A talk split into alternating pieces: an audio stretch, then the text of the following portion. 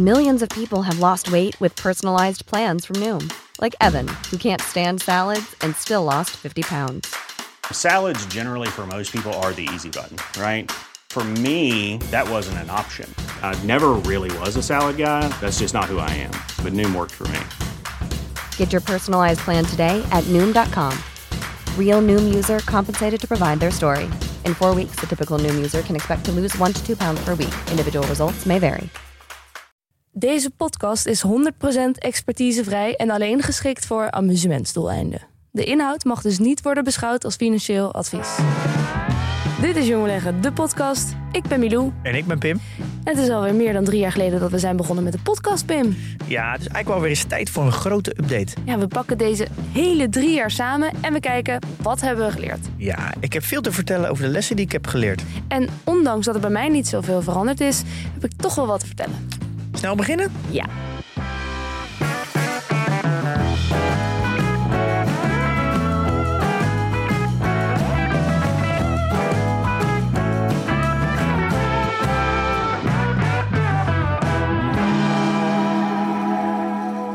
Pim, ken jij het fenomeen van de boiling frog?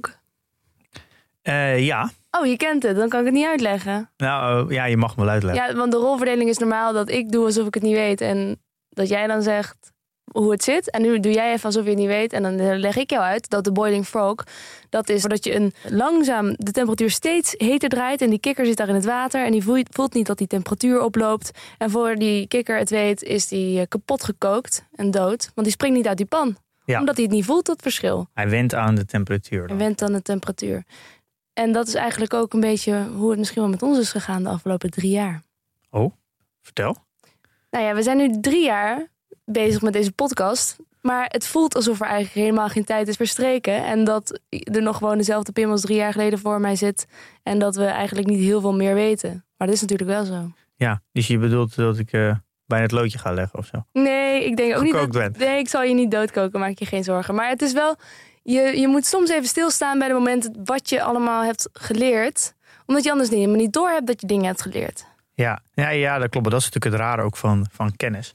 Ik bedacht me later ook dat het bijna onmogelijk is om, om de podcast die wij maken... om dat nu nog een keer te doen. Ja. Omdat de dingen die je leert en dat je dat dan gelijk vastlegt in audio, dat, dat die verbazing en die, die- die, die inzichten die je dan hebt, die, die kan ik nu eigenlijk niet meer uitleggen, omdat het voor mij normale kennis is. Precies. Daarom kan eigenlijk zo, da- daarom is het vaak dat je, het is heel goed om van iemand iets te leren die misschien net vooruit loopt dan iemand die tien jaar vooruit loopt. Want die slaat gewoon heel veel dingen over die voor jou heel moeilijk zijn. Ja, die stapjes die je dan niet maakt in je hoofd. Ja, omdat die, om die zo normaal zijn zijn. Ja. Om, ook om dingen te onthouden Ja. eh, in eerste plaats. Maar jij kreeg laatst een berichtje van iemand dat het misschien eens tijd zou worden eh, voor een update van de afgelopen drie jaar. En dat vonden we eigenlijk wel een goed idee, hè? Ja, en toen zeiden we, ja, de podcast bestaat nu meer dan drie jaar. Maar kan je niet eens terugblikken? Toen, ja. Ja. dat is eigenlijk best wel een leuk idee. Dus dat hebben we ingepland. Iets verder dan drie jaar nu, maar Ja. we gaan eh, gewoon even een terugblik doen. eh, ja, vanaf het moment dat we begonnen zijn tot nu. Is het voor jou, als jij terugkijkt op de afgelopen drie jaar, is het overzichtelijk om te zeggen van dit heb ik geleerd en dat heb ik geleerd? Dat is natuurlijk het mooie als ik een podcast maak. Ik kan gewoon, eh, we hebben drie keer eerder een evaluatie gedaan. Ja, En ik kan gewoon terugkijken van wat had ik toen geleerd? Wat waren toen mijn focuspunten? En hoe heb ik dat dan daarna toegepast? Dus ik kan ook weer op reflecteren. ja, Dus ik heb eigenlijk een. De hele podcast is ook natuurlijk een soort van dagboek van mijn reis. Wat natuurlijk het leren wel makkelijker maakt en vooral het reflecteren.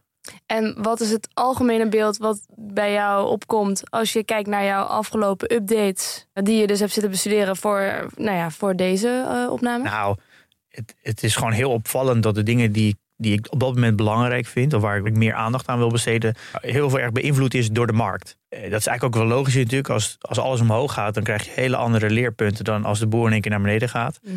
Eh, dus de markt die legt eigenlijk je fouten bloot. Daarom zeggen ze ook, je moet eigenlijk een hele cyclus beleggen. Want dan heb je eigenlijk alles een keer meegemaakt. Net vorig jaar natuurlijk een flinke verlies. En ja, dat voel je wel even. En dan, ja, dan ga je wel nadenken van, wil ik dat nog een keer? En hoe ga ik dat in de toekomst beperken? Ja. En hoe ga ik daarmee om? En dan, ja, als je nog nooit een daling hebt meegemaakt, dan kan je daar ook niet echt van leren. Nee. Daarom is, een, eh, is echt een hele cyclus wel belangrijk om eigenlijk alles een keer mee te maken. Ja. Ehm, En dat zie je heel erg als je die updates bekijkt. Ja. Dat je daar toch wel vatbaar bent voor wat er op die mo- dat moment in de economische cyclus Dat is ook wel logisch, want bijvoorbeeld die sectorrotatie die we vorig jaar beetje eh, eind vorig jaar hebben besproken. De strategie waar je gaat switchen tussen verschillende sectoren Nou, naarmate was- de cyclus vordert. Ja, daar, daar was toen was ineens voor mij heel duidelijk dat we soort van in zo'n cyclus zaten. Want we gingen Mhm. tussen in een recessie in en dan zie je dat er, of in dat idee was er, en dat je dan bepaalde sectoren daar al heel erg op vooruit loopt, bepaalde sectoren juist niet. Eh, dus je ziet gewoon die, die soort van die, die, eh, die golf door die sectoren heen gaan. En dan in één Ja. keer denk je, hé, hey, wacht eens, sectorrotatie. Hey, dat is wel een interessant topic om eens een keer wat meer over te, te leren. Maar die was in eerste instantie was het helemaal niet eh top komt of niet mind. Nee, komt het helemaal niet aan de orde. Ja. Dat is ook de reden waarom we eigenlijk elke keer weer een, eh, een aflevering kunnen bedenken. Omdat de markt verandert. En dan komen er weer nieuwe dingen naar boven die dan in één keer interessant zijn Ja. om te delen. Maar dat vind ik wel een leuk idee, want wij denken dat we, of we proberen zoveel mogelijk tijdloos te zijn. We bespreken niet heel veel nieuws. In het begin er nog wel eens wat, maar zoveel mogelijk gewoon dat je het altijd een evergreen eh, content eigenlijk, dat we, Ja. wat we willen maken. Eh, en toch zie je dat die actualiteit, of eh, het moment waar je in zit, er dus toch heel erg doorheen zijpelt. Dat is eigenlijk onvermijdelijk.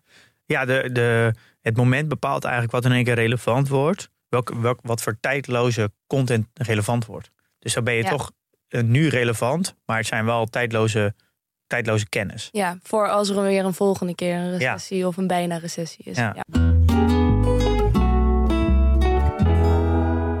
We gaan beginnen met je portfolio, hè? Nou, wat, dat is het mooie aan eh, PDT. Je kan dus terug in de tijd. We hebben een time travel functie. Dus je Ja. kan een datum invoeren en dan kan ik terug in de tijd om te zien hoe mijn portefeuille er toen uitzag. Dus ik ben even teruggegaan naar drie momenten. Eh, 2021 in januari, 2022 en eh, heden. En daar heb ik ook een screenshot van op de website geplaatst. Maar je kan ook op, eh, gewoon naar mijn eh, portefeuille gaan. Dan kan je dat ook zien. Waarom pak je januari?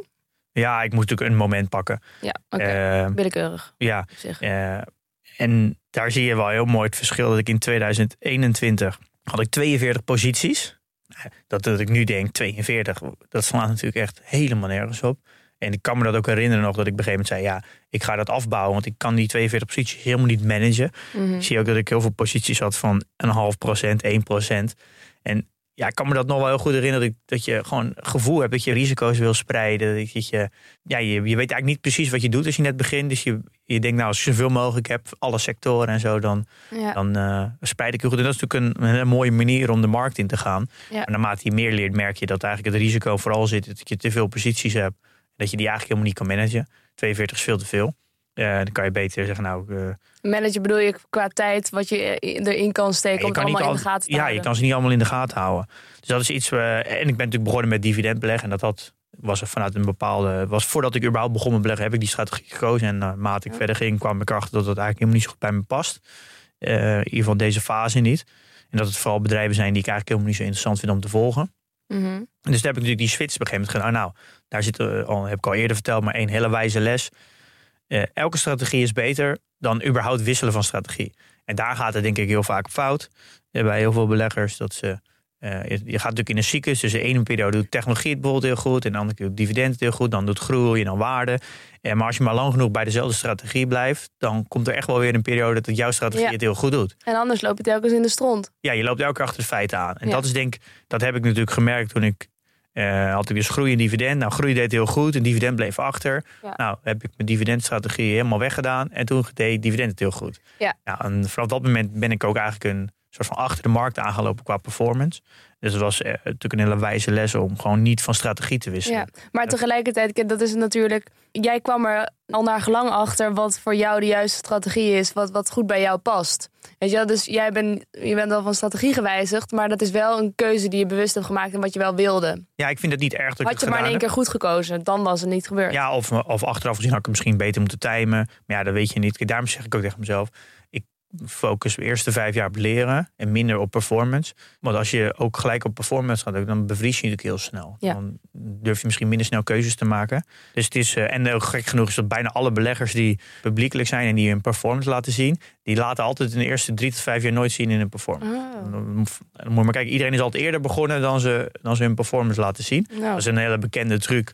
Dat je de jaar dat je start heel selectief bent. In, eh, en dat, dan komt je performance natuurlijk beter uit. ja, oké. Dus bij dat soort mensen trekken wij onze conclusies. Maar het is ook aan de ene kant wel logisch natuurlijk. Want ja, de eerste drie jaar of de eerste vijf jaar ben je zo aan het rommelen, zo aan het proberen. Dat, Ja, eh, dat niemand daar ook wat van kan leren, denk je dan. nou, dat je En voor is- jezelf ook een beetje vindt van ja, dit, dit, eh, ik ben, dat was meer een leerperiode. Dus Ja. ik wil eigenlijk die niet meenemen in mijn track record. Want- beetje het wilde westen. Een beetje de babyfase. Dat je van alles uit de kast aan het trekken bent. Te kijken wat er gebeurt als een glas kapot valt. Ja, dus, Die dat is, eh, dus je gaat pas rekenen vanaf de basisschool. Ja. Ja, dus dat, en wat wel opvalt is dat ik heb Adyen, Justy Takeaway, Meta en de Trade Desk. Die heb ik al vanaf het begin af aan in mijn portefeuille. Dus vanaf mijn, soort van mijn eerste koopronde. Dus die ongeveer 3,5 jaar geleden. En Prozus, ASML en Nvidia zaten er ook al in. Maar die heb ik recent verkocht.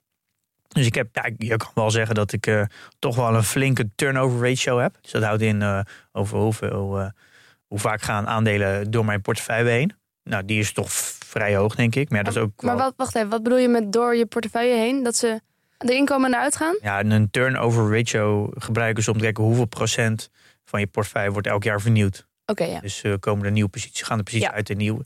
En ja, de wetenschap laat natuurlijk wel zien dat, dat heel veel handelen eh, slecht is voor je rendement. Ja. Ehm, al moet ik wel zeggen dat, nou er zitten er hier nu, nu vier nog in. En het waren er eerst zeven dit jaar. Nou, van de 18 posities die ik eh, nu heb, valt het op zich nog wel mee. Eh, ik merk wel dat het steeds meer omlaag gaat. Want dit jaar heb ik ook relatief weinig gehandeld. Dus ja, dat hoort een beetje bij als je van strategie wisselt. Dan heb je gelijk een hele, gro- Ja. een hele grote wijziging. Ja. Ehm, Makes sense. Ja. Ehm, en dan gaan we eigenlijk een beetje naar eh, 2022. Mhm. Ehm, ja, daar heb ik natuurlijk een eh, flink eh, negatief jaar gehad. Min 26 procent. Je was niet de enige, hè, Pim? Nee, heel veel. Maar ja, ik zat natuurlijk overwegend, overwegend in de technologiehoek. Ja. En werd flink afgestraft. ja, en dat is ook wel het jaar waar ik echt heb geleerd dat waarderingen er echt wel toe doen. Ja, Kun je nog een 2000 specifiek voorbeeld noemen daarvan? nou ja, bijna heel veel techbedrijven die ik had. Bijvoorbeeld eh Adyen op 2600. eh ASML volgens mij toen op 750 of 800. Eh, natuurlijk Shopify. Nou, heel veel bedrijven die waren gewoon echt zwaar overgewaardeerd. Ja. Dat is wel, eh, 2022 heb ik echt eh, geleerd dat waarderingen er wel, degelijk toe doen. En natuurlijk de sectorrotatie en contrair handelen. Die heb ik ook daar heel erg meegenomen. Dat je echt zag dat een bepaalde sector het heel goed deed en een bepaalde sector het heel slecht. Dat je niet echt kan spreken van dat de hele markt naar beneden gaat, maar dat het heel selectief is. En de contrair handelen, en dat heb ik dan wel weer goed gedaan richting het einde van 2022. Dat ik dus het gewicht juist meer naar, naar technologie ben gaan leggen. Mhm. Ook al zakt dat steeds meer, eh, steeds meer eh, gewicht er naartoe ben gaan brengen. Dus Ja. de, de aandelen die meer in de waarde zaten, die ben ik gaan verkopen. Ja. Ja, en dat heeft er dan eigenlijk wel weer voor gezorgd dat ik dus dit jaar het dus heel goed doe. Dat vind ik dan op zich wel weer mooi om te zien. Dat je dus begin 2022 heel start met, met eigenlijk best wel veel fouten, denk ik. Daar heel erg van leert en dan daar actief mee bezig bent. En dan 2023 daar juist heel erg de voordeel uithaalt. ja. Dus je ziet wel heel erg die leercurve. Maar waar Eh, zit dan precies dat voordeel wat je dan hebt gehaald, denk je? Kun je dat iets specifieker maken? Nou, eh, Hoe kan dat? nou ja, 2022. Ik had gewoon veel te veel overwaardering in mijn portefeuille. Veel te veel. En kun jij nog terughalen wat eerst jouw blik op overgewaardeerde bedrijven was? Nou, dat was gewoon nooit echt mijn focus geweest. Ik keek veel meer naar, is het bedrijf heel goed? En veel meer naar de, naar de waardering. Ja, oké. Dus Dus je dacht, als het lag- maar goed is, dan is Het de lag veel meer fundamenteel dan op waardering. Ja. Ehm, en eh, ja, ik heb, dat heb ik gewoon veel meer geleerd. Dat als er te veel in de prijs zit, dan kan het nog steeds een fundamenteel goed bedrijf zijn. Maar dan is al zoveel ingeprijsd. Dus dat kan het zomaar zijn dat je de komende jaren, ook al maakt het bedrijf eigenlijk boven verwachting alle, alles waar. Ja. Dat, je nog steeds, dat het nog steeds een slechte belegging kan zijn, omdat het namelijk al ingeprijsd is. Ja, precies. Dus die, dat, grote, die, dat grote voordeel wat je hieruit hebt gehaald... is dat veel van die overwaardering is gewoon uit je portefeuille gegaan. Ja, en daar eh, heb ik, eh, Daar heb je ik, vrijwel meteen vlucht, vrucht daar ben ik heel erg in de min doorgegaan. Ja, Maar het werd een beetje, naar mij idee, te veel overdreven naar beneden. En daar heb ik dus een voordeel uit kunnen halen Ja. door toen veel meer op waardering te letten. En dan met overtuiging ook bij te kopen. Omdat ik denk, nu zit hij wel echt onder mijn waardering. Ja. Onder mijn fair value. Ja. En dat heeft ervoor gezorgd dat ik dit jaar dus juist heel goed doe. Want ik sta nu echt flink in de plus. Met eh, ruim 24 procent. En dat is om en nabij in lijn van de Nasdaq. Maar mijn portefeuille bestaat voor ruim 60% uit waardeaandelen ondertussen. Dus ik vind dat ik het eigenlijk best goed doe. Dat ik dus een technologie-index bijhoud. Mhm. Maar wel voor eh, ja, ruim de helft in waardeaandelen zit. ja. Dus ja, daar ben ik eigenlijk best wel, eh, best wel content mee. Wel een beetje trots op eigenlijk. Want daardoor betekent dat ik minder risico neem, maar wel hetzelfde resultaat heb. ja. En ik verwacht daardoor, of hoop ik ook wel een beetje, dat als er straks een flinke daling komt, dat mijn portefeuille dus ook minder hard daalt. Uh, omdat ik veel meer in, uh, in waardeaandelen zit. Ja, en die zijn veel minder gevoelig voor die hevige fluctuaties. Of dat gaat veel minder ja, nou, die zijn op, ook veel, mis. Ja, die zijn ook veel minder hard gestegen. Ja. Uh, en dat is eigenlijk wel een beetje wat ik nu ook al aan, steeds meer aan het doen ben. Ik ben wat technologie en wat groei en garp aan het verkopen. En ik ben dat eigenlijk het percentage waarde steeds meer aan het verhogen. Dus weer een beetje die sectorrotatie die ik in 2000, eind 2022 deed. Van meer waarde verkopen naar meer groei. Ben ik dat nu het gewicht weer een beetje aan het verleggen. Ja. Ehm, en dat, is, dat, dat merk ik dat ik daar wel heel blij mee ben met, de, met een stukje waarde en een stukje groei. Waar ik uh, de accent een beetje kan verleggen op de strategie. Dus ik kan sommige periodes een beetje, her, een beetje herbalanceren aan de hand van waardering. Dan Mhm. zie ik dat de, in de waardecategorie steeds meer aandelen goed geprijsd zijn. En dan kan ik dus wat overwaardering uit de groeihoek weghalen. En dat meer leggen naar de waardehoek. En zo kan ik dus eigenlijk qua allocatie in strategie een beetje spelen. En het gewicht een beetje verleggen naar wat de markt op dat moment, hoe de markt is. Ja, ja, ja. En ik merk dat ik me daar eigenlijk wel comfortabel mee voel. Is dat ook emotioneel? Want vind je eh, ehm, dat je is het een emotioneel bewuste keuze, bedoel ik eigenlijk te vragen? Nou, niet juist niet emotioneel, rationeel. Maar omdat je, ik bedoel, eh, gemotiveerd vanuit het feit dat je emoties niet zo relaxed zijn onder in veel groei zitten. Nou nee, het is eigenlijk gewoon uh, heel rationeel dat ik gewoon puur kijk naar waardering. Uh, gecombineerd tussen gewoon fundamenteel en waardering.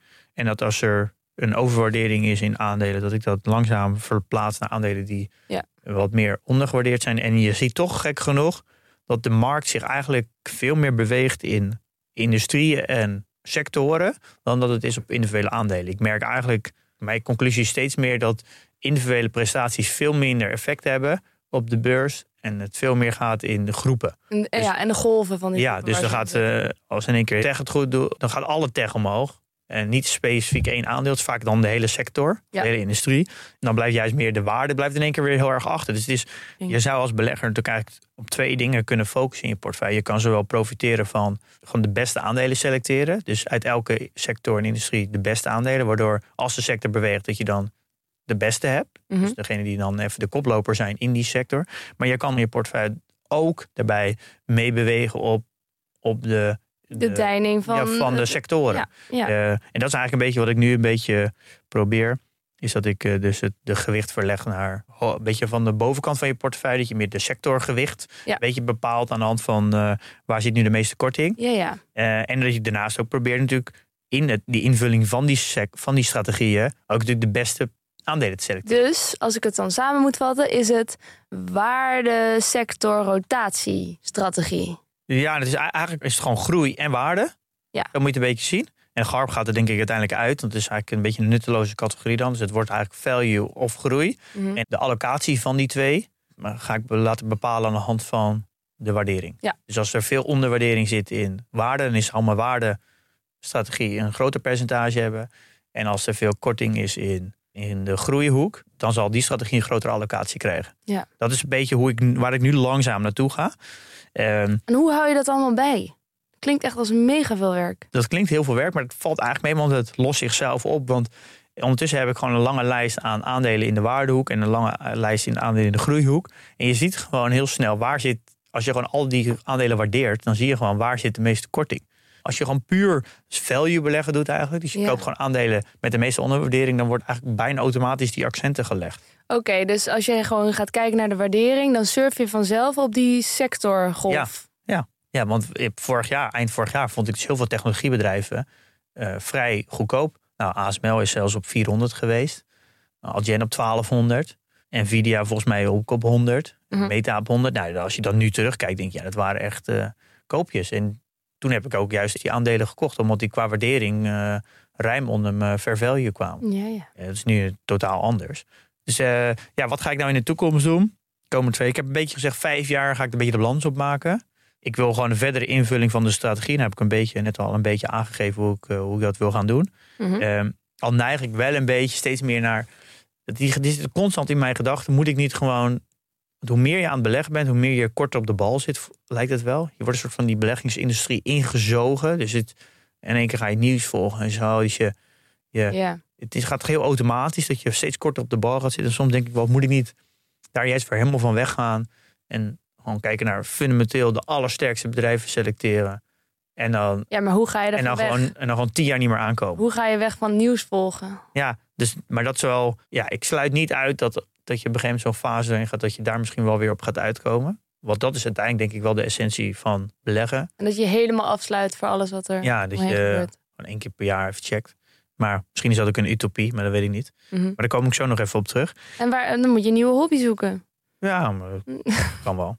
Genoeg hobby's. Want vind je eigenlijk, als je het zo zou zeggen, vind je beleggen leuk? Als je nu terugkijkt op de drie jaar? Ja, ik vind, het wel, ik vind het wel heel leuk om te doen. Wat ik voornamelijk heel interessant vind, is dat je bedrijf aan het bestuderen bent.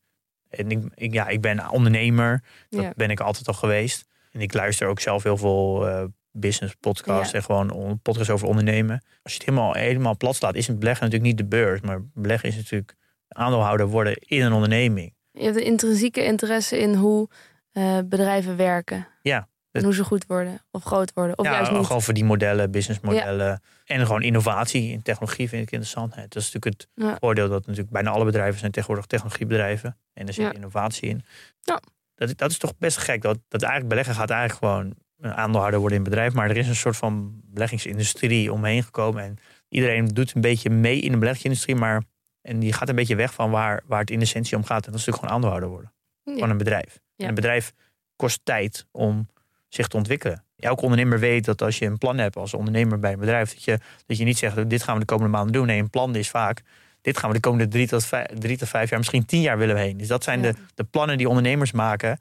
Dat is de soort van de North Star die een ondernemer neerzet. Maar als aandeelhouder, dan willen we over drie maanden, zes maanden resultaat. Ja. Maar een ondernemer die denkt in, in, Precies. in vijf en een tien jaar in plan. waar zijn bedrijf naartoe moet. Dat is natuurlijk een overleven. extreme mismatch. Ja. En Je kan, eh, je kan eh, tijd niet versnellen. Dus een bedrijf heeft gewoon een doorlooptijd nodig om echt impact te maken. En Zijn er te veel eh, beleggers die lopen te hijgen eigenlijk? ja, ik denk allemaal wel. Ja. Eh, ik denk dat, dat, Behalve wij, hè? nou ja, dat doen we, in principe doe ik daar natuurlijk ook gewoon aan mee. Ja. Die gaat er gewoon worden een beetje ingezogen. Oké, dus die utopie van jou is een beetje dat je misschien wel ooit als een beetje meer kluizenaar één keer per jaar eh kijkt wat er gebeurt en dan een beetje handelt. Ehm, en dat is, nou ja, dan eigenlijk al een blik op de toekomst meteen. Hier staat ook een quote van Charlie Munger. Er staat: Patience and aggressive opportunism is what you need. It's an odd combination, but it's what works best. Geduld en agressief opportunisme. Ja, dat, dat moet je hebben. Ik vind dat, ja, die vat het voor mij echt wel een beetje samen, denk ik. Waar die twee dingen moet je denk ik echt hebben als je een actieve belegger bent. En dat is natuurlijk gewoon geduld. Eh, en eigenlijk geduld en geduld. Maar als er een kans voordoet, dan moet je ook echt toeslaan. Ja. En ik denk dat ik, dat is van mij echt een les geweest van, van vorig jaar. En het is natuurlijk ook wel makkelijk omdat het nu hard gestegen is. Maar bijvoorbeeld de ASML op 400 en ook voor mij een, eh een Adyen op toen op 1200. Ja, dat zijn. Ik heb daar gewoon heel veel geduld voor gehad. Omdat heel lang met mijn vingers eh, op de knoppen gezeten. Maar echt gezegd: nee, ik ga het niet doen. Ik ga het niet doen. Echt eh, eigenlijk alles goed gedaan. Mhm.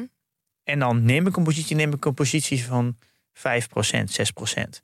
En dat, dat is echt agressief. Pam, je daar doe ik het dan. En daar denk ik wel, ja, als ik echt overtuiging van iets heb en ik heb heel lang zitten wachten, dan moet ik mezelf ook echt belonen. Ja. En ik denk, als je echt gaat, als je aan het stokpikken bent en je bent ja, een eigen portefeuille aan het samenstellen, dan moet je dus ook af en toe een overtuiging in je portefeuille halen. Want als je niet echt een af en toe een, in één keer in de zoveel jaar een, een flinke overtuiging in je portefeuille hebt, dan Mhm. denk ik ook dat je bijna nooit echt een outperformance gaat maken. Want dan ben je altijd een beetje de markt aan het mimmen. Weet je, net een beetje voorzichtig. Je, je Ja. doet zo lang, zo hard je best. En je bent echt goed aan het opletten. En dan moet je ook gewoon meteen wel een, een aanzienlijk deel. Je zou, het- als je in de dierenanalogie wil blijven, zou je het kunnen vergelijken met een reiger.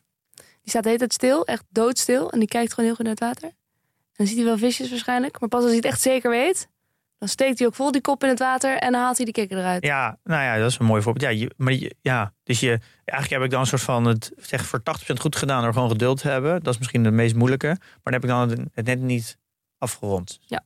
Eh, en dat is wel echt een les voor mij die, en wat Charlie Munger eh, zei dat ook, zegt dat heel mooi. Van, ja, we hebben in onze hele beleggingscarrière maar 12 echt grote kansen gehad en die hebben we ook toegeslagen. Nou, dat laat hij natuurlijk ook met Apple ook wel zien. Mhm. Dat is voor mij echt wel een les. Dat als je gewoon maar lang genoeg belegt. Ik, als ik nu de komende 30 jaar ga weg, dan ga ik gewoon. Ik ga zeker één keer in de vijf jaar. Ga je gewoon een, echt een kans meemaken. Echt dat je echt denkt, dit slaat helemaal nergens op. Ja. En ik beleg nu drie jaar en die is gewoon een paar keer echt geweest. Bijvoorbeeld eh, Shell op 10 euro. Mhm. Dat is ook eh, met de coronacrisis dat iedereen dacht, eh, ja, we gaan nooit meer olie gebruiken. Ja, dat, dat is echt zo. Er zijn gewoon af en toe momenten dat je denkt, dit slaat echt helemaal nergens op. En dan Ja. moet je wel echt durven toeslaan. En ik En- denk dat ja. daar wel echt outperformance in zit. En dan word je eigenlijk gewoon beloond dat je gewoon actief de markt volgt. Ja, ja. En als je maar een beetje doet, ja, dan heb je het wel goed gezien. Maar dan zit je dan met je lullige allocatie.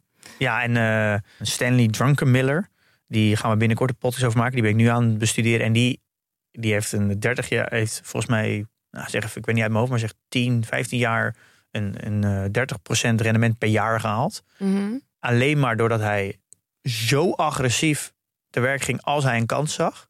Eh, en dus, eh, die ben ik dus nu aan het, eh, een beetje aan het bestuderen. Stanley Druckenmiller. Ik heb nog nooit van hem gehoord. Nee, maar daar gaan we binnenkort over hebben. Maar die zegt dat dus ook. En dat is wel iets waar, eh, als je dat in je achterhoofd neemt, dan is in één keer geduld hebben ook helemaal niet zo moeilijk meer.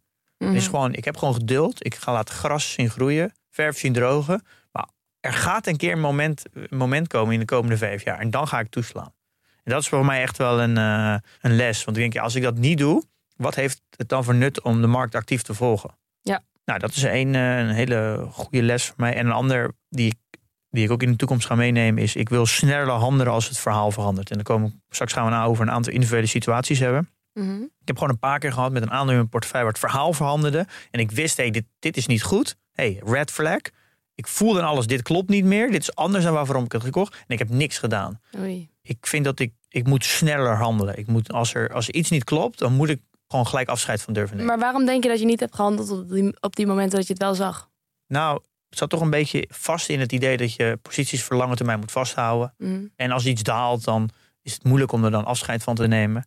En het is gewoon niet lekker om als je heel lang onderzoek hebt gedaan om een positie te nemen, dan drie tot zes maanden weer eruit te gooien. Ja. Maar eh, sneller handelen als het, als het niet meer klopt. Oké. Dat is wel echt een les voor mezelf. En als we dan. eh, Is Just Eat Takeaway daar een voorbeeld van? Nog even daarop terug. Ja, ja, dat is zeker een goed Dus voorbeeld. Grubhub overname? Of- Nou, nee, ik, ik nam eigenlijk. Just Eat was een van mijn eerste posities eh, toen ik net begon. En toen was het eigenlijk nog een digitaal platform. Mhm. Dus gewoon een marktplaats eigenlijk. High margin. Deed nog geen eh, logistics. En dat is me langzaam erbij gedaan. Eigenlijk die verhaal van Just Eat is constant veranderd. En Ja. ja, je kan nu toch wel zeggen dat, dat, dat ik dat gewoon echt niet goed gedaan heb. En is dan verandert het verhaal. En dan ga je er opnieuw naar kijken. En denk je, oh, maar dan reken je het uit. En is het nog steeds. Oh, maar nu is het nog. Ook ondanks die daling is het nog steeds goedkoop. En dan, dat is eigenlijk een klassiek value trap natuurlijk. Elke keer als het verhaal verandert en hij denkt, oh, hij is nog steeds goedkoop. Dan denk je ook, oh, dan hou ik hem maar. Mhm. Ja, dat is nu ondertussen zo vaak gebeurd. Dat je dan eigenlijk nooit echt een moment krijgt om, om hem weg te doen. Nee. En dat heeft dus eigenlijk ook bij eh, Shopify gebeurd. Buiten dat ik Shopify voor een veel te hoge waardering heb gekocht. En daar heb ik echt van geleerd. Is dat ik me dat moment nog goed kan herinneren. Dat ze in één keer gingen zeggen, wij gaan ook logistics doen. Dus ze gaan van een, een, een pure softwarebedrijf met hele hoge marges potentieel. Naar een, een, een business erbij doen die kapitaalintensief is. Met hele lage marges. En dan gaan ze concurrentie aan met Amazon. Want logistics is... Ja, dat ze dus ook de, de waarhuizen gaan doen en de, bus, de, het vervoer van die pakketjes. Ja. En zo. Dus, dus, dus onwijs veel capex zijn ben je daar aan kwijt. Dus eh, Ja. kapitaal om, om dat op te zetten. En ik zie als aandeelhouder bij Amazon hoeveel, hoe die idioot veel geld ze daarna uitgeven. Ja. Dat was echt een, ik weet nog zo goed, dat was voor mij zo een red flag van hé, hey, ze gaan, dat, het verhaal verandert nu. Want die hele waardering is Ja. gebaseerd op een software player. Ja. En dat is Hoge marges. ja, en dat verandert nu gewoon. En ja, dat was voor mij echt het moment dat ik gewoon het bedrijf had Ja. moeten wegdoen. Dat is voor mij echt een les. Ook al daalt hij dan 30% op zoiets, dan moet ik dat toch wegdoen. Dat is Ja. echt, echt een les. Ja, dat waren eigenlijk de, de dingen die ik nu ga meenemen. Ja. Ja, de belangrijkste lessen. Ja. Een andere is dat ja, voorzichtig met Europese tech. Ja, Europese technologiebedrijven is gewoon, het is gewoon een, een drie keer min. Gewoon, het, is, het is altijd minder dan Amerikaanse bedrijven. Het gewoon, ten eerste, de, Hoe komt dat toch? de kwaliteit van de founders is, is vaak slecht. En dat heeft ook te maken, er is geen ecosysteem. Dus die founders die starten vaak vanuit het niks. Het voordeel is dat bij Amerikaanse technologiebedrijven, daar krijgen nou een beetje de eerste 200 mensen die worden, die krijgen zoveel aandelen, die worden miljonair. En die hebben zoveel kennis op gedaan en geld dat ze gelijk een nieuw bedrijf kunnen starten. Dus Ja. daar het, het doorrollen van kennis gaat veel sneller. Mhm. Dat gebeurt in Europa gewoon helemaal niet. Dus het zijn vaak een soort van bijna een soort van first time founders die geluk hebben. Eh, en dat merk je gewoon heel erg. En de, de technologie is vaak gewoon niet superieur. En dat heeft te maken dat technologie natuurlijk een mensenwerk is. Dus je moet de beste developers hebben. En die zitten gewoon niet echt in Nederland. En Nederland betaalt ook niet goed genoeg. Dus de allerbeste developers uit Nederland, of uit gewoon Europa, die gaan allemaal naar Amerika toe. Ja, ja, ja. Ja, die gaan. eh, het is natuurlijk ook een mooi, ja, het is natuurlijk ook een mooie job als je in Amerika kan, eh, tijdelijk kan wonen en Mhm. eh, daar bij een bedrijf kan werken. Dat is natuurlijk ook gewoon een heel groot land, Noord-Amerika. Ja, Dus dan Dus- kun je de beste mensen allemaal van het hele land. Kijk, als we alle beste uit ja maar ook Europa. vanuit de hele wereld, die willen natuurlijk naar Amerika toe. Ja. Als we nou een Silicon Valley van Nederland maken, dan komen niet alle Europeanen per se in Nederland. Want dan zit je in een land met een rare taal. Ja, maar dit is gewoon wat het is en dat gaat ook nooit meer veranderen. Maar daar moet je wel als belegger heel erg rekening mee houden. En ja, ja. eh, dat is wel echt voor mij een, eh, een heel duidelijk les. Ik heb CM tijdelijk heel kort gehad. En ik wist eigenlijk dat het niet echt een heel Wat doen goed... ze ook eh, weer? Ja, ze doen eh, een messaging en eh, tickets verwerken en een beetje betalingen en zo. Ja. Weet je, SM, heel veel van die eh, sms'jes voor eh, toen bij de corona en zo, eh, GGD. Europees bedrijf. Ja, eh, heb ik best wel weer snel verkocht, wel met verlies, maar het ondertussen is veel verder nog gezakt. Dus ik ben eigenlijk heel trots op deze verkoop. Want Ja. ik Dat had het maar- eigenlijk puur op waardering gekocht en dat moet ik bij technologie gewoon niet doen. Eh, Goed gehandeld. Überhaupt, maar ook Amerikaanse. Als je gewoon puur technologie koopt met een hele lage waardering, dat is echt een red flag. Want het is, de power law werkt zo erg in, eh, in tech. Dus dat is voor mij ook wel een eh, les. Er zijn natuurlijk altijd uitzonderingen, bijvoorbeeld Adyen. Eh, maar ja, dat zijn allemaal niet first-time founders. Die mensen hebben al, eh, de hele founding team heeft al eerder bedrijven opgericht in dezelfde industrie, bewezen, track record. Ze zijn ook gelijk naar Amerika begonnen. Ze zijn dus niet in Nederland begonnen, maar Ja. gelijk de plas overgegaan. En dat merk je gewoon. Er zit gewoon veel meer Amerikaanse mentaliteit in, in dat bedrijf. Ja, ja. Gewoon on-Nederlands is Adyen eigenlijk. Oké, dus er zijn uitzonderingen. Altijd uitzonderingen, maar die uitzonderingen zijn echt in Europa op, we denken op een hand te tellen. Oeh. Als het puur op software begaat dan. De technologie is wel breder dan alleen maar software. Ja. Nog Ja. meer lessen die je Ja, als we het individuele gevallen gaan we even naar Amazon. Dat is natuurlijk zo een idioot groot bedrijf. Ik merk toch wel steeds meer zij? dat Ja. een heel groot bedrijf, dat met allemaal verschillende divisies en ook die totaal niet aan elkaar gelinkt zijn, dus ook niet geen synergie met elkaar hebben, dat het dat best wel moeilijk is om daar een goede waardering op te plakken. En het, het lukt uiteindelijk wel, voor het sum of the parts kan je het prima doen, maar dat het net als bij een holding company, dus zoals een Hal Trust of zo, of een Prozus, dat er altijd een onderwaardering in zit in een holding company. En ik merk toch dat wij zo'n eh, zo'n groot bedrijf met allerlei verschillende visies, dat er eigenlijk standaard ook een, een soort van korting in zit. Dus het is, qua, het is best wel moeilijk om dat te waarderen. Ja, want het heeft zoveel verschillende onderdelen. Helemaal als het een bedrijf is met een, een hele lage margestuk. Nou, wat Amazon heeft natuurlijk, gewoon eh, e-commerce. Nou, waar gewoon een marge business is van 2, 3, 4 procent. Daar zit het echt in de volumes. Ja, en dan daarnaast een hele hoge marge business zoals AWS. En de markt, AWS? AWS is de cloud service. Ja. eh, dus dan zit er voor mij een marge van 35 procent. Ja. Dus het, is, het zijn twee eigenlijk compleet andere bedrijven die in één bedrijf zitten. En de markt heeft daar heel veel moeite om mee te waarderen. Het ligt net waar de markt dan het, op dat moment even het gewicht legt. Mhm. Dat is voor mij ook wel een les dat ik daar veel voorzichtiger mee moet zijn. Dat je Ja. daar eigenlijk ja, wat meer marge moet nemen. Ja, ja. Nou ja, bij Just Eat nog even terug. Het management kan het ook mis hebben. En dat is ook wel een les dat... Kijk, management zijn ook maar mensen. En je kan het ook niet kwalijk nemen. Die weten het vaak ook niet. Die doen ook een bepaalde soort van verwachting van de toekomst. En vooral in nieuwe soort businesses is het ook wel lastig.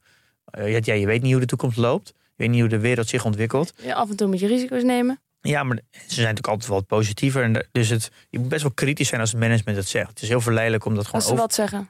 als ze een outlook geven over de komende vijf jaar. Ja. Het is heel verleidelijk om, om wat over te nemen. Ja. Maar dat is toch ook wel een les. Bij CM zie je dat ook. Dat je daar echt wel voorzichtig mee moet zijn. En zelf eigenlijk even moet vergeten wat de management zeggen. En puur naar die naar unit economics gaan kijken. Van nou, is dit echt wel realistisch over Ja. vijf jaar? En Wat kan er ook gebeuren? Je moet in plaats van een roze bril even zelf een, een, een grijze bril ja, opzetten. dus het neemt het, ja, neem het management niet als een soort van uitgangspunt. Maar kijk, probeer zelf zoveel mogelijk objectief ook te rekenen. Ja, ik vind dat wel moeilijk merken. Want ik geloof mensen altijd gewoon als ze zeggen van nou, dit gaat goed. Nou ja, je wil het ook wel heel snel geloven Ja. natuurlijk. Dus dat is ook voor mij een... eh, Je denkt ook dat klinkt goed, maar ze selecteren natuurlijk in wat ze zeggen. Dus dat is wel, geloven de mensen met niet zo snel, ook al is het nog zo goed.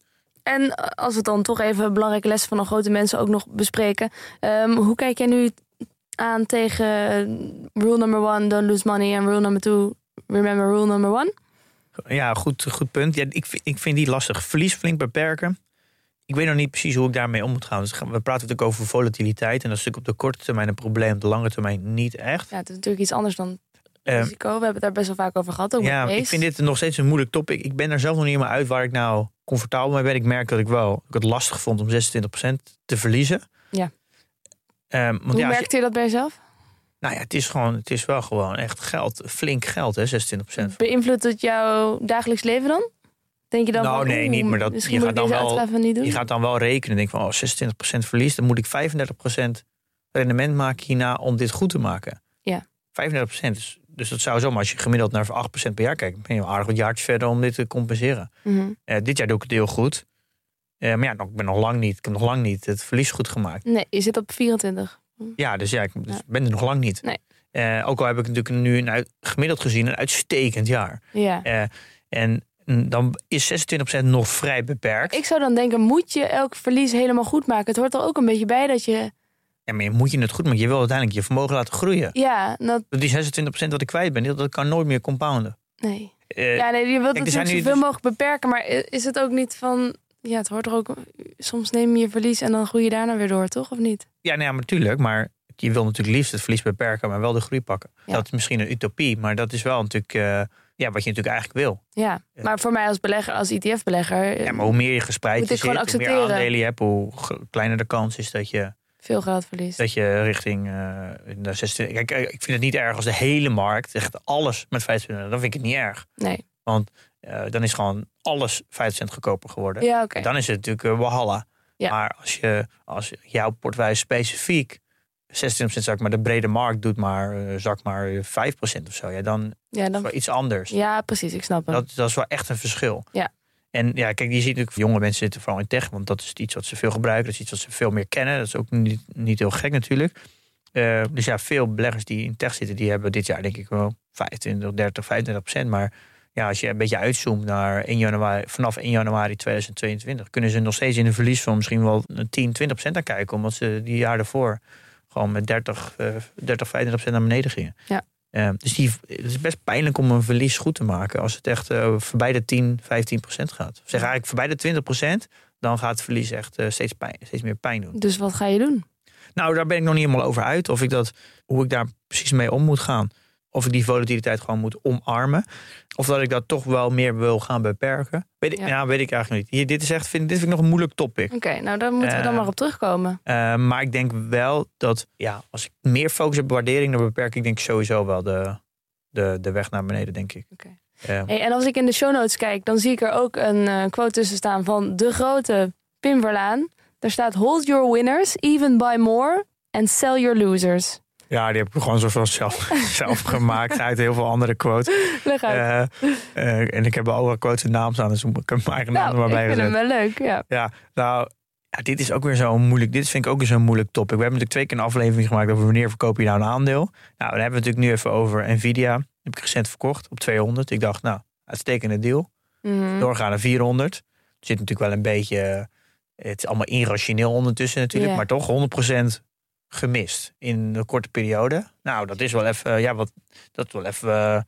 krabben je wel even achter je oren van ja, natuurlijk nooit geweten. Ik baal er ook niet echt van, want ik heb hem al met een ruime overwaardering verkocht. Dus ik sta nog wel achter de verkoop.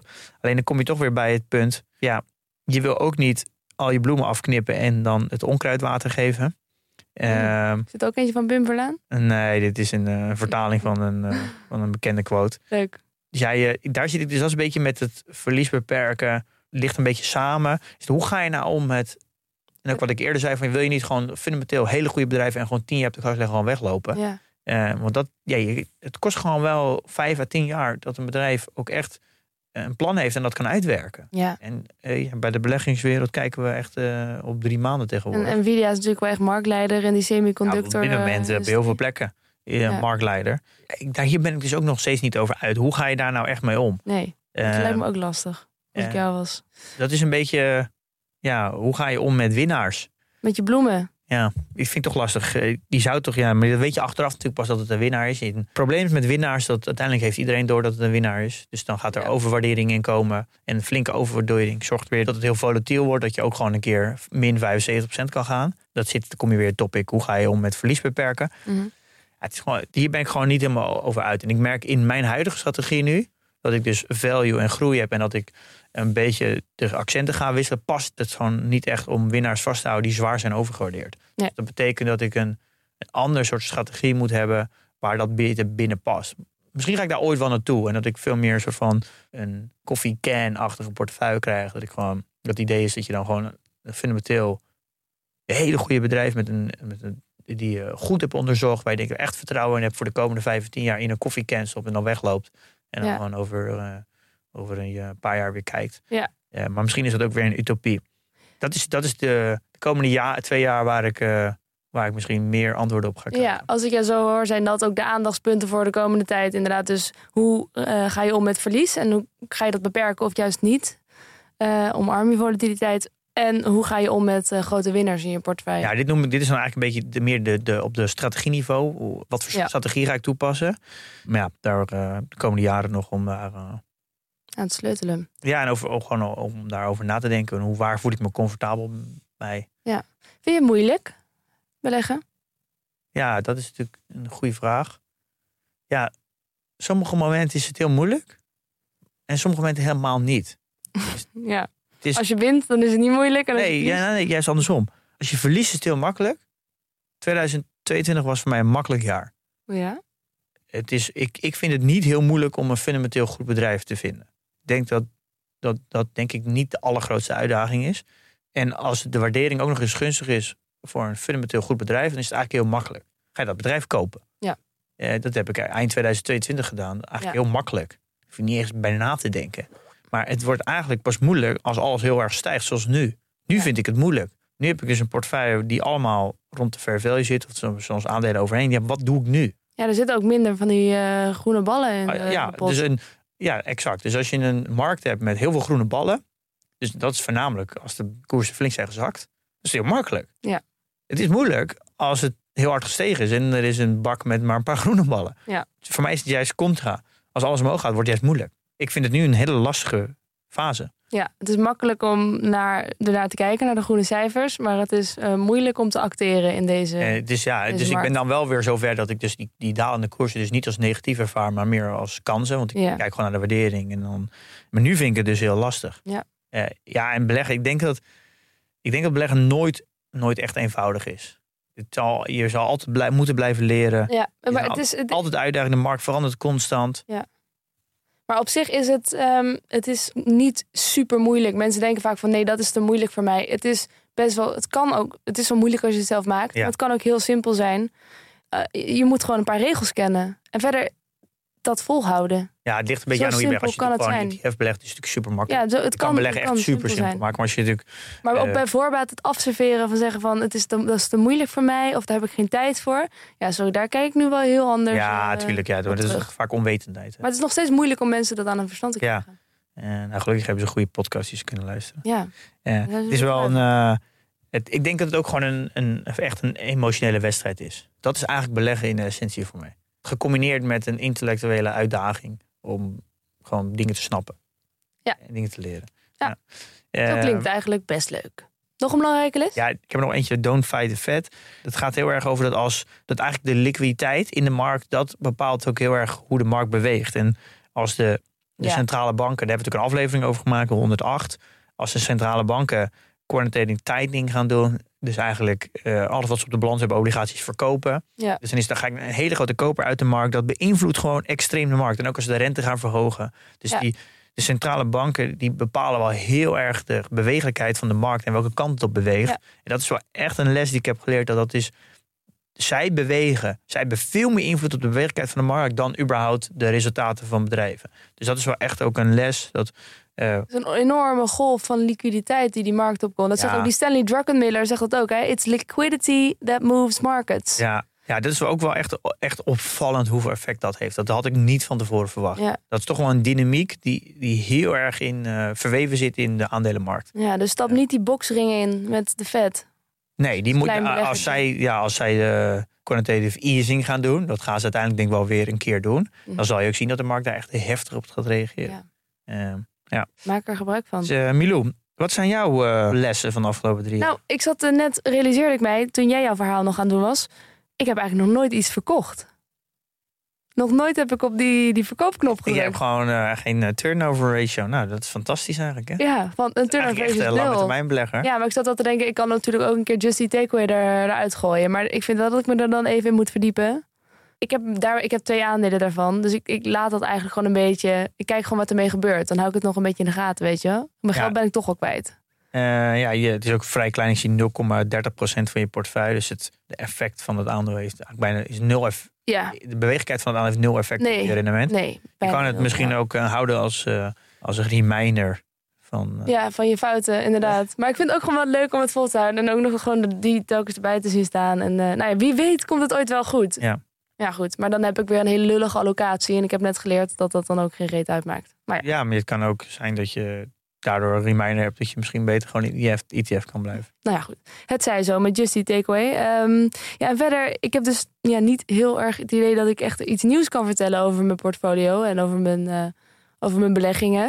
Ik ben niet van strategie gewijzigd. Eh, ik ben nog steeds elke maand braaf zo'n bedrag aan het inleggen. Maar toen dacht ik, ja, dat er niks nieuws gebeurt, dat betekent ook weer niet helemaal dat daar niks over te vertellen is. Want beleggen zit nu zo in mijn systeem dat het gewoon iets is wat, ik, wat natuurlijk gebeurt bij, gewoon elke maand. Weet je wel, ik hoef er niet meer echt over na te denken. Eh, Ik kan dat gewoon gedachteloos doen. Ja. Net als fietsen. Ja, je zit eigenlijk in de, de Goldilocks zone. Eh, dat je eigenlijk gewoon genoeg weet omdat je je comfortabel voelt. Dat je het emotioneel kan handelen. En dat je het ook gewoon snapt hoe het werkt. Ja. En dat je ook weet waar je beperkingen liggen. Ja. Eh, en Is dat je- echt een ding, de Goldilocks zo? Ja, dat is eh, Atomic Habits van James Clear. is een boek. Die schrijft daarover. Het zegt nou is echt een van de beste boeken als het gaat over habits. Heel Mhm. goed boek. En die heeft daarover dat je, je moet als je iets van nieuws wil leren, moet je altijd in de Goldilocks zone blijven. Dus, Ah. dus je moet geprikkeld blijven om iets dat het interessant is, maar je moet niet te ver vooruit lopen, want het wordt te moeilijk en dan stagneer je. Ja. Dus je hebt een soort van in alles wat je doet, is het een Goldilocks zone en dat is een hele fijne zone voor een mens om in te zitten. Ja, ja, ja. Nou, dus ik zit eigenlijk op een hele goede plek. Ja, je Dat zit op een ideale plek, want je houdt het een gedachteloos vol. Ja. Dus dat is top. En je weet ook genoeg waar je beperking zit en hoe het werkt. Ja. Ik, Eh, zei, ik zei wel vrijwel gedachteloos, hè? want ook ik ben een mens en ik heb natuurlijk ook nog steeds wel eens twijfels. Ik, bijvoorbeeld als ik weer denk van ja, die, die economie die draait nu echt ook weer op, op volle toeren. Kan dat wel eeuwig zo doorgaan? Zitten er grenzen aan die groei? Ja, maar de- Eh, die gedachten zijn natuurlijk gewoon heel gezond. Het is goed om, om daarover na te blijven denken. En de vraag is natuurlijk alleen, Wat doe je ermee? wat doe je ermee? Ja. En ga je, er, ga je er impulsief op handelen of niet? Daar zit natuurlijk... Nee, ik spreek mezelf vermanend toe. En, Ja, eh, Ja, maar dan is het niet erg, want het is natuurlijk helemaal geen, eh, niet slecht om af en toe je gedachten te laten gaan over is dit houdbaar? En, Ja, maar wat heb ik daaraan? Want ik haal het geld, het, het geld er toch niet uit. Maar als die, de economie inderdaad instort en nooit meer Nou, opgebouwd het wordt, die- dan ben ik wel fucked. nou, als het door die gedachte dat je daardoor die impulsiviteit eruit haalt, heeft het wel een nut. Ja. Maar goed, dit zijn dingen die we nooit weten. Dus eh, er is geen rationeel beeld op los te laten. Want je weet niet wat de economie over tien jaar doet. En of, of we dan Ja, maar dat geeft niet dat, in de shit dat- zitten. in een gedachte lang laten gaan kan ook een soort van emotie weghalen of een impulsiviteit weghalen. Dus, eh, En dat is al goed, hè? Ja, nou Ja. goed. Ja, eh, vooralsnog volhard ik gewoon...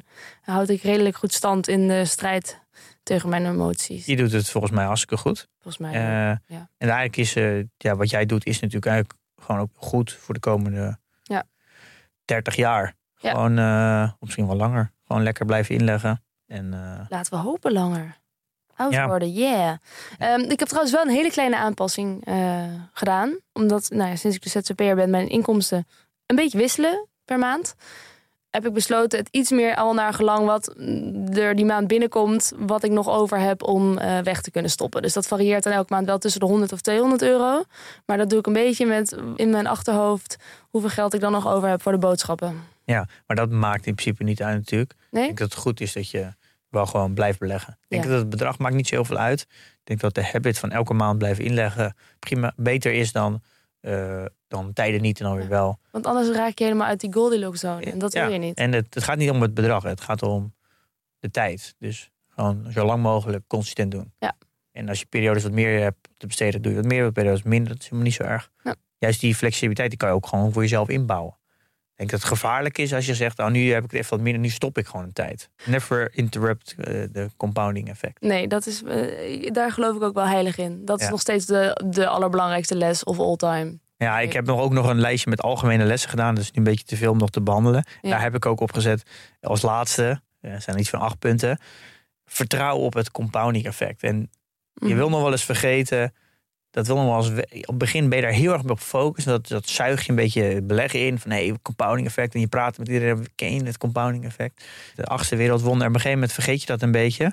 En omdat je ook niet zo door hebt. Mhm. Als je drie jaar belegt, dan zie je nul het compounding effect.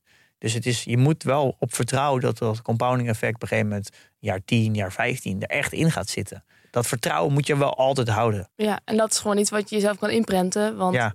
Dat weet je. Ja, want je kan dat namelijk niet mentaal niet visualiseren, want dat kunnen wij niet als mensen. We kunnen alleen maar lineair denken. Dus Ja. het is wel belangrijk dat je dat jezelf blijft herinneren. Ja. En dat is misschien, eh, ik had ook nog een ander stukje op de website, dat moet je eigenlijk maar even lezen. Dat gaat over die, dat vind ik ook wel heel interessant, over die, die business cycle, life cycle. Dat bedrijven zich in verschillende fases kunnen begeven. En de een, soms duurt het langer, sommige komen niet eens door een fase in. Bijvoorbeeld de product development fase en de introduction phase. Dan heb je wel sales en je hebt wel product market fit, maar je hebt nog geen winst. Nou, sommige bedrijven die houden daar ook mee op, want die rennen dan niet, die gaan failliet. En je hebt dan de, de growth phase, en dat is het omzetgroei en de winst komt dan. En je hebt de eh, maturity en decline phase. En Mhm. ik zie daar toch wel een patroon in. Vaak als je net begint met beleggen, dan zie ik heel erg in die fantasie denk, in die toekomst. Je, Of waar, waar gaat het heen? De- Waar gaat de wereld naartoe? En welke bedrijven gaan dan groot worden? En Dus hoe je- kan ik mezelf wat uiting laten komen met mijn beleggingen? Waar, wil ik, waar zie ik het heen gaan? Ja, en dan krijg je, zie je heel erg te beleggen in die development, die product development en in introduction state. Maar het gevaar is heel erg dat, dat daar gewoon 9 van de 10 gaan het gewoon niet redden. Mislukt. Dus als de, dat zag je natuurlijk in corona, dat alles, al die bedrijven gingen hard omhoog. En dan er is bijna niks meer van over, al die specs. En vaak, daar merk ik veel om me heen, dat je dan denkt, nee, ja, maar dit wil ik niet meer. Ik wil niet meer succes verliezen in mijn portefeuille. Dus dan ga je veel meer cijfers kijken, ga je leren waarderen. Maar dan ga je dus automatisch niet naar het verleden kijken. En dan kom je heel snel bij de maturity in de decline state. Want dat zijn Bedrijven die al klaar zijn. die al een heel lange track record hebben. En Ja. eh, dan kom je meer, dan ben je heel erg naar cijfers aan het kijken. Dus dan ga je aandelen kopen die in het verleden goed gepresteerd hebben en consistent zijn geweest. Maar dan zit je eigenlijk al een beetje in de maturity in decline phase. En ik denk dat als je dan nog veel langer belegt, dat je dan uiteindelijk een beetje in de executiefase komt. Dus dan is het heden plus plus. En dan kom je eigenlijk in de growth phase. Heden plus plus. Ja, dus dan kijk je zowel een beetje naar het verleden, maar ook vooral namelijk naar de toekomst en een beetje drie tot vijf jaar vooruit. Mhm. En ik denk dat dat wel een beetje de, de sweet spot zit voor, voor beleggen. Want daar zit natuurlijk het meeste groei. Ja. En daar, dat is ook nog niet echt breed gezien door de markt natuurlijk. Past Ik dit ook op, op eh, jouw ontwikkelingen van de afgelopen drie jaar, denk je? Ja, ik, ik denk dat dat ook wel, ook wel een beetje op mij toepast. Maar ik denk voor heel veel mensen. Ik denk dat is toch wel een beetje de, ja, de weg die je meemaakt, denk ik. Onvermijdelijk. Als Ja, dus die, kan, ik heb op de website dat gefixeerd en misschien herken je je daar zelf heel erg in. Ja. Eh, ik, ik vond dit wel een, eh, ja, voor mijzelf wel toepasselijk eigenlijk. Je kan gewoon niet verwachten als je net begint met beleggen, dat je gewoon eh, gelijk- bent. gelijk begint ja, waar je ook wil eindigen. Ja. Eh, dus altijd als soort van heel collectief wordt gezegd, ja, heb je weer die beginnende beleggers en die maken allemaal van, ja, maar ja, De, dat, is, dat kan je wel leuk zeggen en dat klopt ook, maar dat heb je zelf waarschijnlijk ook gedaan. je moet het juist aanmoedigen. Ja. Zo, maak maar lekker fouten. Ga zo Eh, door. Ja, dit is ook, vond ik ook een interessante leercurve. Dat je ook gewoon goed leert eh, als je een bedrijf fundamenteel gaat analyseren. Welke fase bevindt het zich nu? Dus wat kan ik ook verwachten Ja. van de toekomst? En waar zit dan het risico? Ja. Eh, Precies. eh, dat hele stukje, dat product development en introduction phase, dat is voor mij echt, dat, die is voor mij echt uitgesloten. Dat is gewoon iets wat ik gewoon nooit ga doen. Dat, eh, Mm. Dan zou ik dat eigenlijk, als ik dat zou doen, dan zou ik veel meer in start-ups gaan investeren. En niet beursgenoteerd, die hoek. Dankjewel. Portfolio. Ja, ik had. eh, Er is iets gebeurd. Ja, ik had nou een klein beetje. Ik heb wat dividend ontvangen. Ik heb best wel flink. De, die, alle yields van heel veel bedrijven gaan echt flink omhoog. Dus ik Mhm. ontvang eigenlijk best wel wat dividenden de laatste tijd. Dividendseizoen is natuurlijk ook eh, net is nu bezig. Dus ik heb met een klein beetje Signify bijgekocht. En ik heb het met 1% uitgebreid. Eh, dus het is nu eh 4,3%. Dus dat is een heel klein beetje. Dus, eh, Iets grotere allocatie gegeven. ja, een klein Ja. beetje. Dus dat is van dividend dat ik heb ontvangen. Hey, en ik kan me voorstellen dat eh, iedereen die nu naar deze aflevering luistert... denkt van, jeetje, wat heeft die Pim toch veel geleerd? Hoe doet hij dat allemaal? Nou, dames en heren, kan jullie verklappen. Dat doet hij door heel veel boeken te lezen, natuurlijk, ten eerste. Maar ook podcasts te luisteren. En in dat kader heb je nog een tip. Ja, zo, wat een brug. Ja. Nou, we hebben natuurlijk een aflevering gemaakt, De Psychologie van Geld. We hebben allebei een boek gelezen van Morgan Housel. Ja. Wat trouwens echt, Interessant boek. echt een fantastisch boek is. Want zelfs ik vond dat. Ja, het is gewoon een heel, echt een heel goed boek. Maar hij is dus ook met podcast begonnen. En hij heeft gewoon een, echt een lekkere stem. En hij maakt dus aflevering, doet hij zelf. Hij spreekt het gewoon zelf in, vaak kwartier, twintig minuten. En wat hij eigenlijk doet, is gaat gewoon die hele, het hele boek eigenlijk in podcast uitbrengen. Maar dan veel meer eh, verhaal vertellen. Dus hij vertelt ook gewoon heel veel verhalen die hij heeft meegemaakt, die het boek misschien niet gehaald hebben. Ik vind het, hij is een goede stem. Het is heel compact, informatie dicht uit zijn ogen. Ik vind het heel vermakelijk om naar te luisteren. Helemaal omdat het boek heel goed is. En in plaats van als je dat boek ook gelezen hebt, denkt, ik vind het een heel goed boek. Luister ook gewoon naar deze podcast. En is een soort van extra laag erop. Hoef je het boek niet nog een keer te lezen. Dus ik vind het echt een, een podcast die je zeker ook even kan luisteren. Nou, ik ben wel benieuwd. Ik, eh, en of ik het ook nog herken uit het boek. Kan sowieso wel even een recap weer gebruiken, denk ik. Dus ik ga luisteren. En op de valreep dan nog even een boekentip. Want het wordt natuurlijk zomer. En dan wil je ook wel eens iets anders doen dan beleggen. En daarom heb ik een heel leuk boek gelezen. Ik heb het net uit. Het heet Wanneer wordt het eindelijk weer zoals het nooit is geweest? Het is van een Duitse schrijver, Joachim Meijerhof. En het is een prachtig boek. Heel grappig. Een beetje gek. Ik hou daar heel erg van. Het is een roman. eh, het is even wat anders. Eh, maar gun het jezelf. Nou, dankjewel voor de tip. Heeft niks met beleggen te maken. Dan weten jullie dat vast. Waar gaan we het volgende keer over hebben? We gaan het over twee weken hebben over private equity. Eh, dat is natuurlijk een hele interessante wereld om Met? eens even in te duiken. Met Han Dieperink. En hij weet daar heel veel van. Het was moeilijk voor jou om iemand te vinden, hè? In de private equity hoek zelf, dus echt de, de mensen die gewoon letterlijk het geld zelf investeren, die heb ik denk ik zeker vijf, zes contact. Waarvan ik denk ik 80% geen reactie heb gekregen en eentje gewoon nee. Dus die mensen zijn echt onbereikbaar. Ja, het is Dus we, een... eh, we gaan het met een, eh, een soort van tweede laag doen. Ik wil niet zeggen dat er minder kennis is. Nee. Maar, eh, Maar het is tenminste eh, iemand die er wel over durft te het praten. is een verborgen, best wel een verborgen industrie. Dat is volgende keer. En jongens, in de tussentijd investeer in je kennis en beleg met beleid.